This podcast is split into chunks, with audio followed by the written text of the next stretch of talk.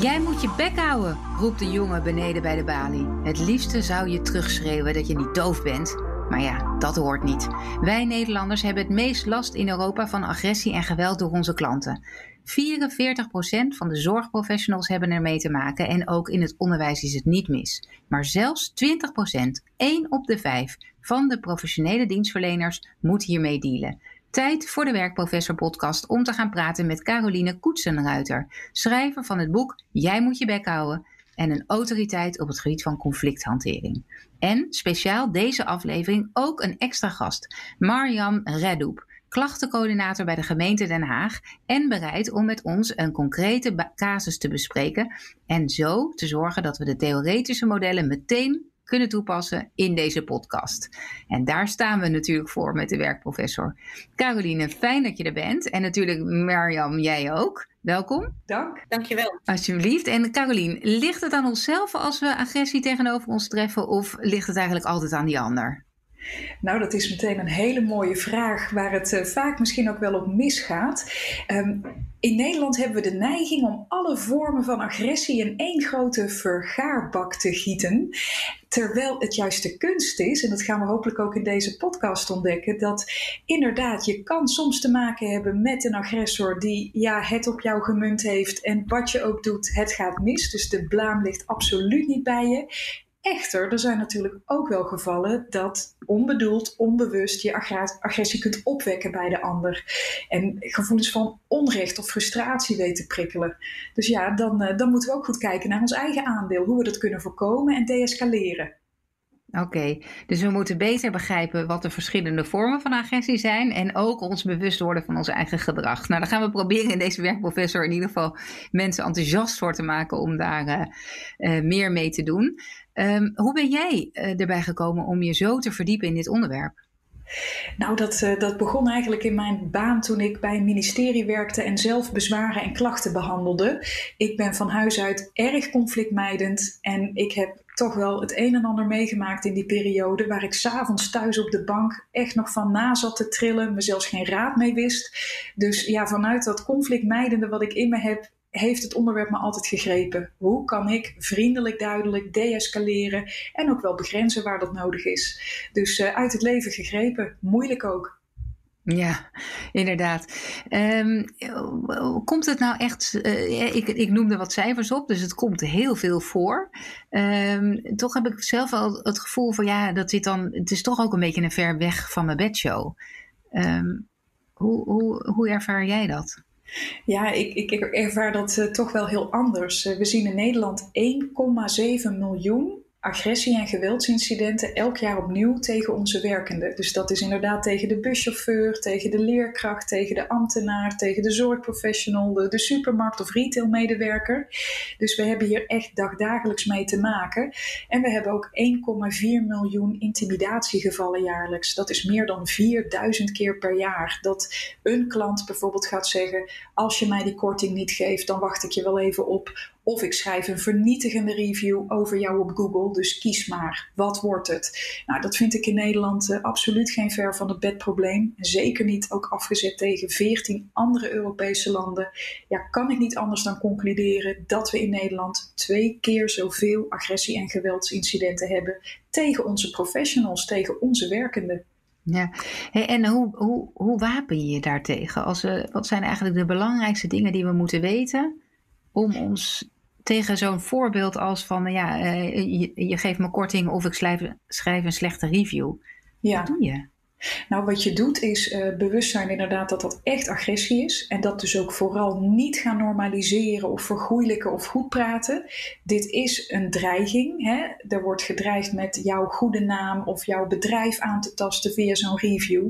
Dus wat ik je adviseer om te doen is in het moment de grens te stellen. En dat zou kunnen zijn dat je de woorden uitspreekt. Ik hoor dat als ik u die korting niet geef, u mij een slechte review geeft en ook dat ik dan niet jarig ben. Ik ben er niet van gediend en ik wil dat u daarmee stopt. Gaat die ander door, dan moeten we daar ook een consequentie aan verbinden. En dat zou bijvoorbeeld kunnen zijn: ik merk dat u doorgaat met dreigen als ik u de korting niet geeft. Als dat zo is, stop dit gesprek en ik maak melding van uw gedrag. En als u ermee ophoudt, dan kunnen we samen praten over uw wens, maar aan u de keuze. dus echt veel eerder aanspreken, begrenzen wat is over de grens en dat ook duidelijk maken aan die ander. Want in Nederland lijkt het wel zo een beetje te gaan dat we ook steeds vaker agressie en geweld een beetje normaal gaan vinden. En dat vind ik heel zorgelijk, want dan gaan die cijfers die al heel slecht zijn alleen nog maar verder toenemen. Eh, heb je die cijfers ook extra zien toenemen? Ik zit toevallig helemaal in de social uh, dilemma van Netflix, waarin uh, ja. ze de link leggen ook tussen meer zelfmoord en meer depressies enzovoort en social media.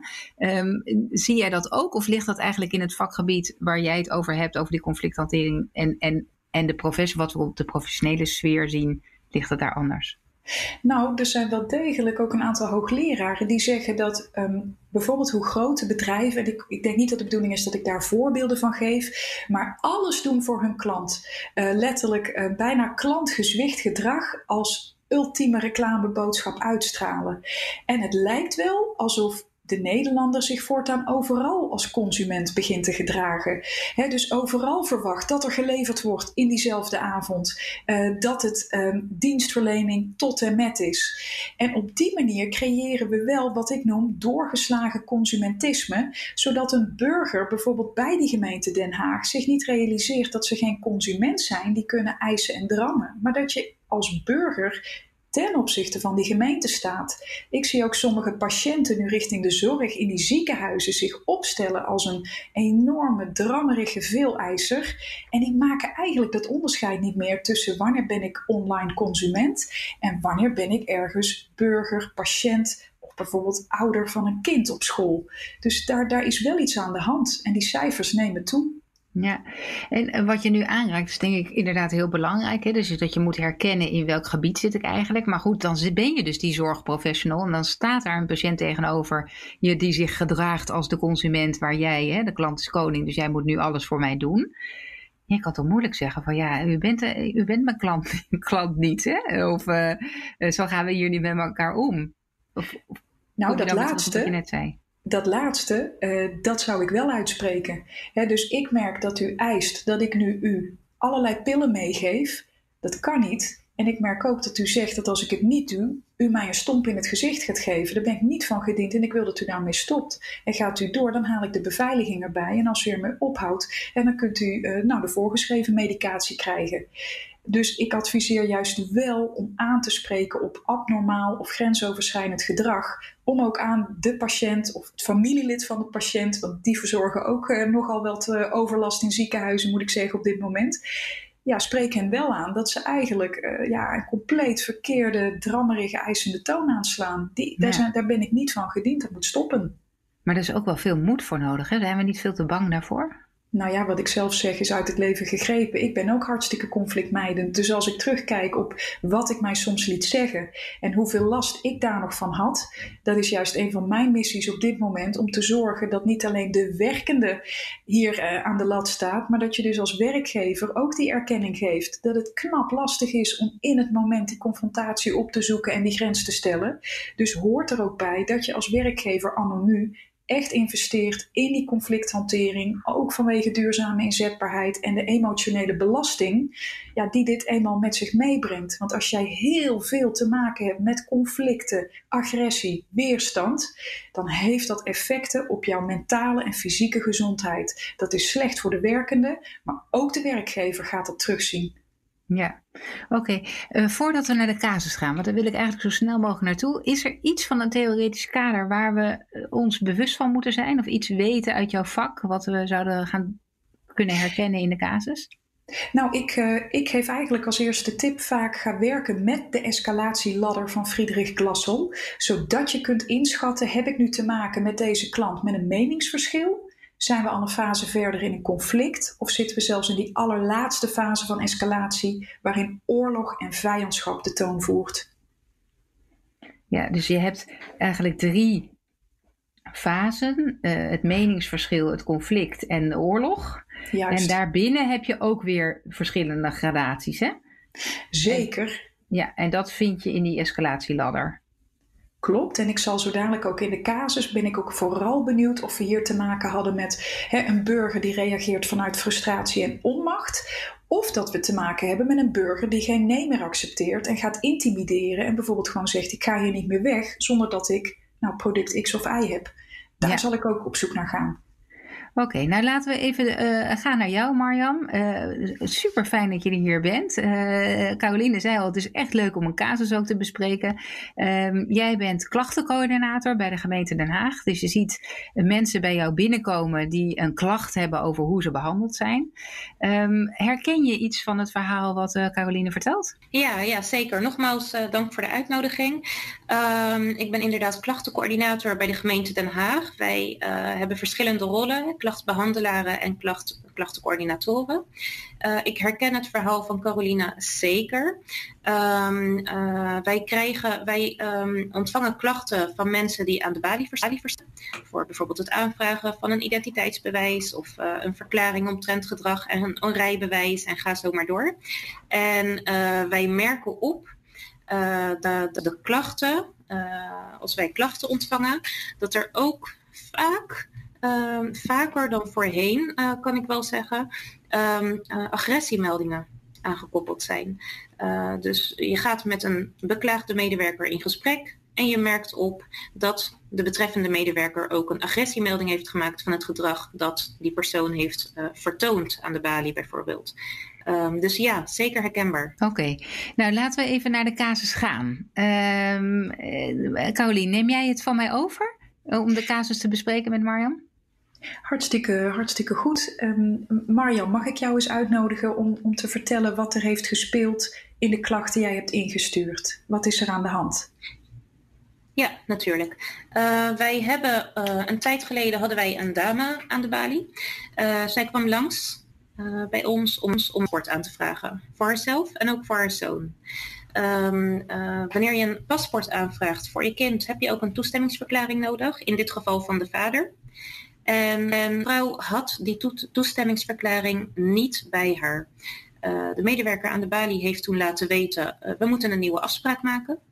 Um, uh, mevrouw ging akkoord en zij, is, ze heeft een nieuwe afspraak gemaakt op de website denhaag.nl en zij heeft vervolgens het pand verlaten.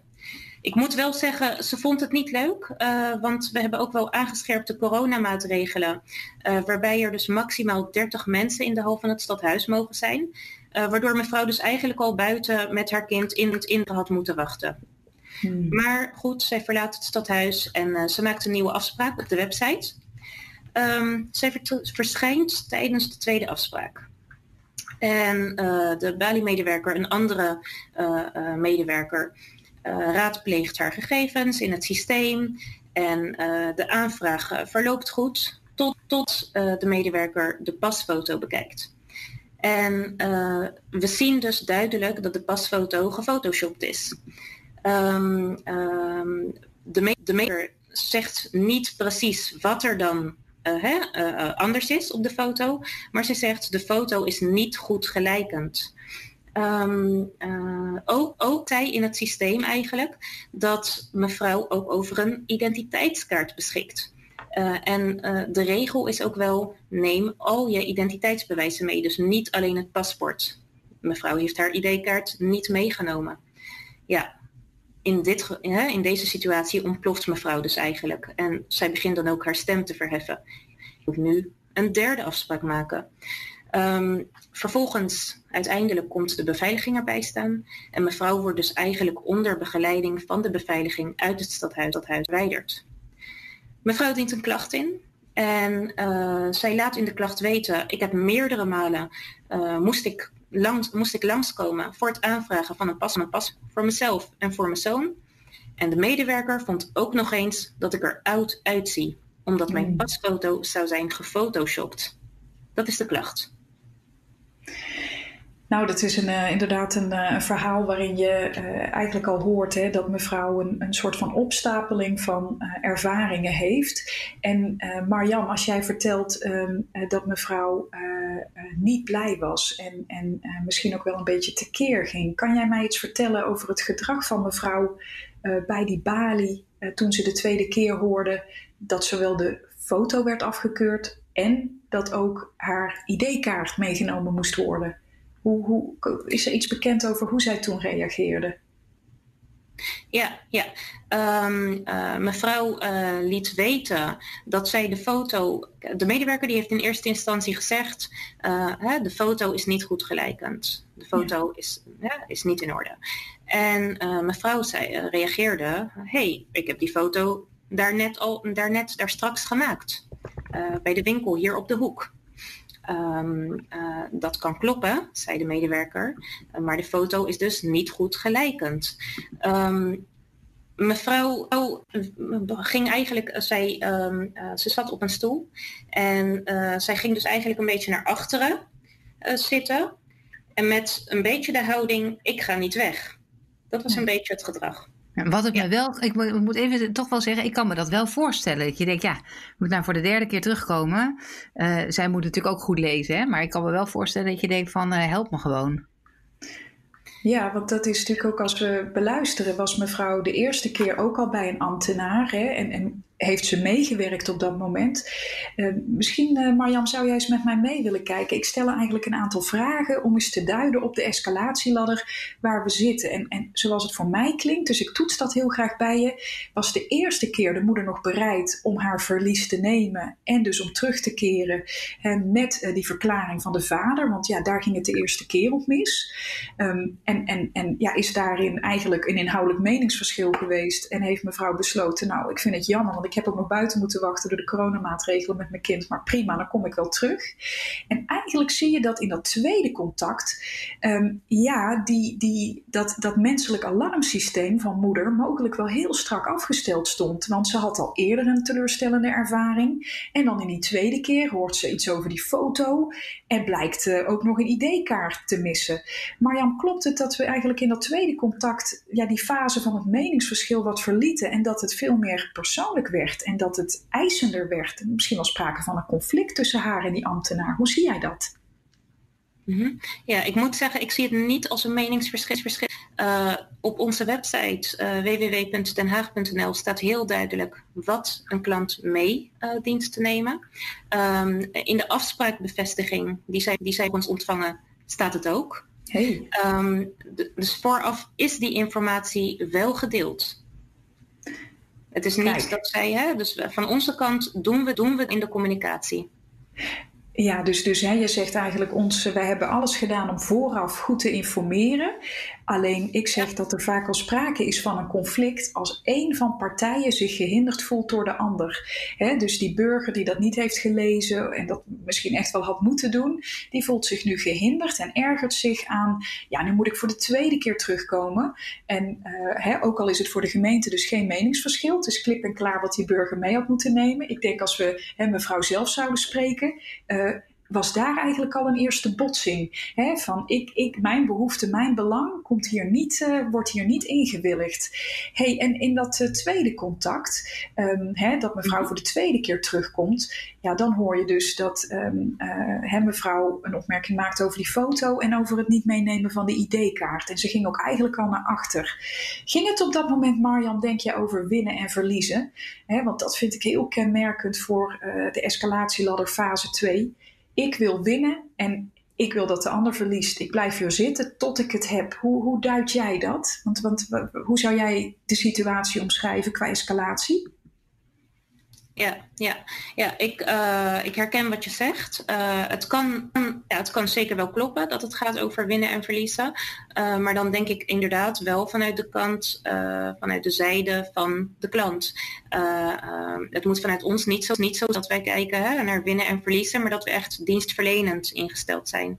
En dat we kijken waar kunnen we mevrouw, op welke manier kunnen we haar wel helpen. Nou, door zelf deze keer de afspraak in te plannen voor haar. Voor haar hè? En toch aan te geven hoe zij wel vooruit kan komen en hoe zij wel geholpen kan worden. Um, het moet geen strijd worden vanuit ons. Mooi, ja, hè? Dat snap, snap ik er.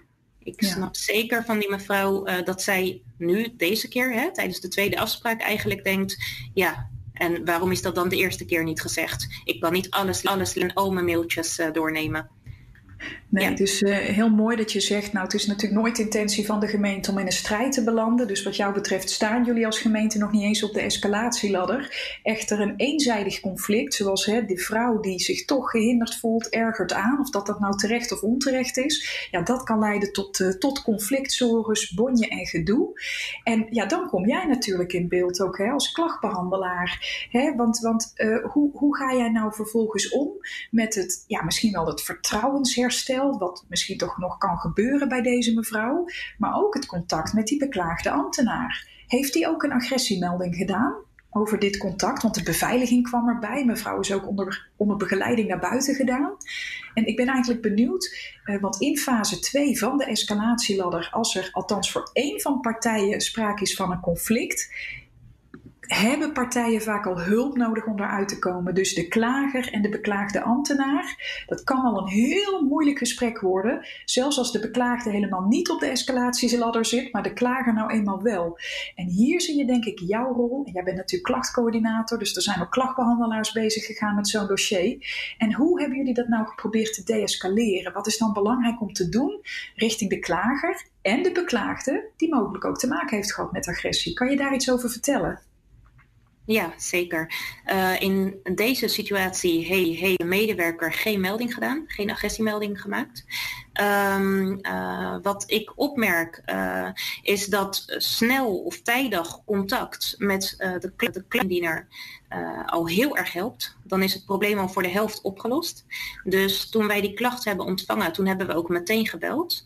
Um, nou, mevrouw heeft haar verhaal toen, toen vervolgens gedaan. En wat bleek, er was al een nieuwe afspraak ingepland door de Bali-medewerker um, uh, voor deze mevrouw. En er was ook al langs geweest voor de aanvraag. Um, uh, wat het verschil deze keer was, nou, was in eerste instantie dat de juiste documenten uh, mee zijn genomen. Maar, maar de houding van de Bali-medewerker heeft ook heel erg meegespeeld. En de communicatie tussen ja, de derde eigenlijke Bali-medewerker en um, de klant. Uh, want Wat deed zij anders? Kwam lopen. Ja, toen mevrouw aankwam lopen, toen zat zij daar met een open houding, met een, een grote glimlach. Hè? En uh, echt gewoon het contact met de klant. Um, um, en echt in de ogen kijken uh, en even de excuses aanbieden. Uh, uh, voor het feit dat zij nu voor de derde keer uh, moest komen. En dan gaat het er niet om wie wat fout heeft gedaan, maar toch wel even aandacht daarvoor. Um, dus dat heeft zij anders gedaan. Ja.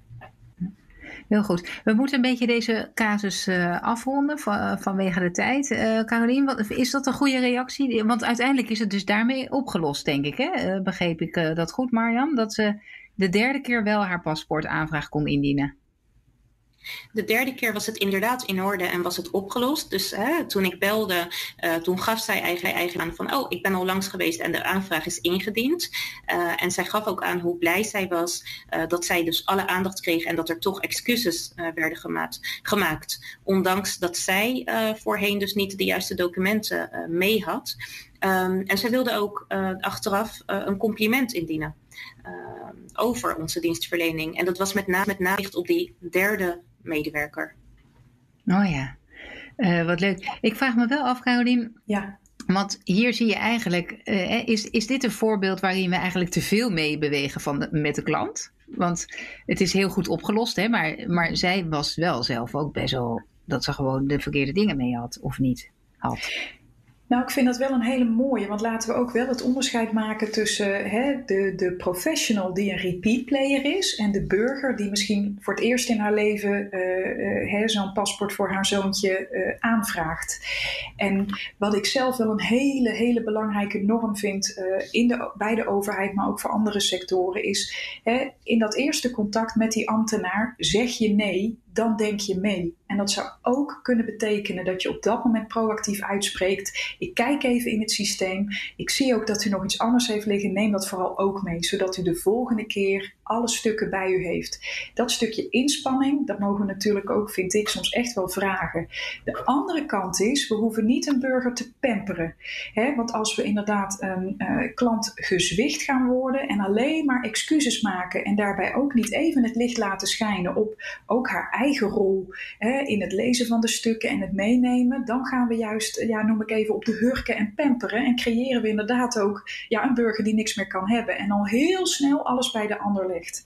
Ehm, wat je hier hoort is dat er uiteindelijk een derde, een nieuwe ambtenaar, ja, die heeft eigenlijk dat hele contact gemasseerd. Uh, die heeft open, warm ontvangen, heeft ook een excuus gemaakt. En wat ik ook daarin wel heel interessant zou hebben gevonden als misschien ook um, vanuit deze casus ook wat breder geleerd wordt. dus hoe had die eerste ambtenaar daar misschien ook nog iets in kunnen doen door dat actief mee te denken? En wellicht was het ook nog passend geweest om in het moment te zeggen als ambtenaar naar de burger wat vervelend dat u drie keer moet komen om dat paspoort te regelen. en ik begrijp ook nog eens dat het de vorige keer heel vervelend is afgelopen. Daar bied ik graag mijn excuses voor aan.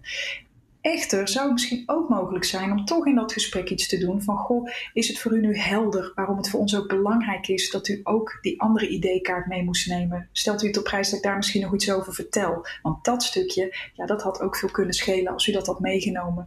En daarmee creëer je denk ik iets meer ook wederkerigheid, ook ja, de plichten aan de andere kant en niet alleen maar de rechten als het ware. Dat kan ook wel eens helpen. Ja, ik vind het wel een mooie zin. Ik, ik ken hem niet. Zeg, zeg je nee, dan denk dan mee. Ja. Uh, dat vind ik een hele goeie. Dus je zegt altijd als je nee zegt tegen een klant of tegen wie dan ook, ja. uh, denk dan meteen mee wat diegene wel zou kunnen doen. Of, uh... Ja, voor het vervolg. Zodat je inderdaad de volgende keer ja, goed beslagen ten ijs komt. En die burger ook ja, hopelijk gewoon goed geholpen kan worden waar dat kan en passend is. Ja, en uh, wat ik zie, uh, Caroline, is dat jij dus eerst inderdaad een, uh, gaat kijken waar zit iemand op die escalatieladder. En um, zijn er dan ook, kun je ook zeggen, in die drie fases van het is ofwel een meningsverschil, ofwel een conflict, ofwel oorlog. Ja. Zijn er dan ook drie verschillende methoden om daarmee om te gaan? Jazeker. In de eerste fase van een meningsverschil is het eigenlijk heel goed mogelijk dat je daar samen met die ander, met die klant, met die burger, met die patiënt nog uitkomt.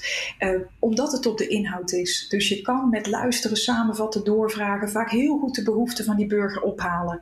En misschien heeft die mevrouw wel geklaagd omdat ze ook vooral niet wil dat het een andere moeder of vader ook nog een keer gebeurt. Dat ze zo drie keer moeten terugkomen.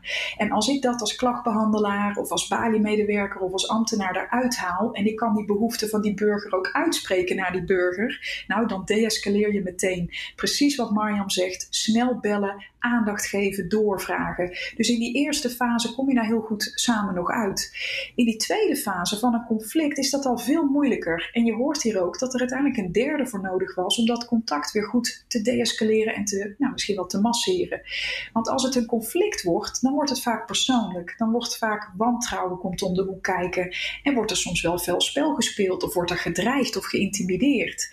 En in die fase moeten we denk ik als professional dan wel begrenzen, dan wel ook hulp erbij halen. Dus als ik vastloop met die moeder die niet meer weggaat en gaat zeggen: joh, je kan wel van alles hier roepen, maar jij gaat nu dat paspoort regelen en tempo, ik betaal jouw ambtenaartje, ik noem even wat. Ja en ik raak in de stress, dan heb ik soms zelfs collega's nodig vanuit bemoeirecht en bemoeiplicht die het gesprek van me overnemen. Uh, Ofwel de beveiliger die in dit geval dus zelfs nodig was. Dus in die tweede fase is het al knap lastig soms om daar samen uit te komen. En in Precies, de laatste maar daar gaf je wel ook aan het begin een paar goede voorbeelden van. Hè? van uh, dat je dus echt dan moet begrenzen. Van ik zie dat u dit doet. Of u zegt nu, u blijft hier zitten totdat uh, dat ik niet naar huis kan zolang u hier zit. Ja. En dat stel ik niet op prijs. Of, ja. Nee, en als u daarmee doorgaat, dan haal ik nu een collega, maak ik melding van uw gedrag en stop dit gesprek. En als u ermee ophoudt, dan kunnen we praten over de nieuwe afspraak voor uw paspoort. Aan u de keuze. maar in die tweede fase zijn er dus echt vaak al hulpbronnen nodig om dat weer te deescaleren als begrenzen en de consequenties van de grens niet helpen. En in die laatste fase, de oorlogsfase, dat is de fase ook echt van geweld, eh, van fysieke agressie ook met name. Ja, daar is vaak echt interventie van een bovenpartijdige geschilloplosser nodig. Denk aan de politie en soms zelfs een strafrechtelijke vervolging. Daar valt niet meer te bemiddelen. Ook niet met hulp van een collega of een beveiliger. Dat is een hele heftige fase. En wat is daarin de grootst gemaakte fout in jouw ogen? Uh, te weinig aangifte doen, zeker in Nederland. We zien dat nu ook in corona-agressie, waarin we toch zien dat er heel veel gebeurt richting zorgprofessionals. De cijfers van het Openbaar Ministerie laten zien dat in een handjevol gevallen de zorgprofessionals uiteindelijk aangifte hebben gedaan. En dus komt de agressor ermee weg. En dus kan hij of zij doorgaan met het afnemen van de diensten. Of dat het nou bij de zorg is, of in het gemeentehuis, of, of op school of in de supermarkt. En dus komt de agressor ermee weg. En dat vind ik heel kwalijk. Ja, oké, dus daar moeten we ook uh, aan bijdragen. Goed, we moeten weer afronden. Ik vond het een ontzettende nuttige podcast met hele heldere uh, voorbeelden van hoe je daarop kan ingrijpen. Je boek lijkt me ook echt een aanrader als je hier uh, ooit mee te maken hebt gehad. Marjam, dank je wel voor het inbrengen van je casus. Het is goed om het zo ook even levendig te zien en ook Carolien te horen vragen stellen op die escalatieladder. Carolien, dank je wel voor het delen van al jouw kennis. En uh, voor alle luisteraars, heb je ideeën, heb je feedback voor ons? Laat het me weten op Wendy, apenstaartje, vpeople, V-I-E-P E-O-L-P-L-E.com. Dus gewoon people natuurlijk.com. En uh, we horen en, uh, je graag. En luister volgende keer. Deel het met je collega's. En laten we met elkaar proberen om de agressie te de-escaleren in Nederland.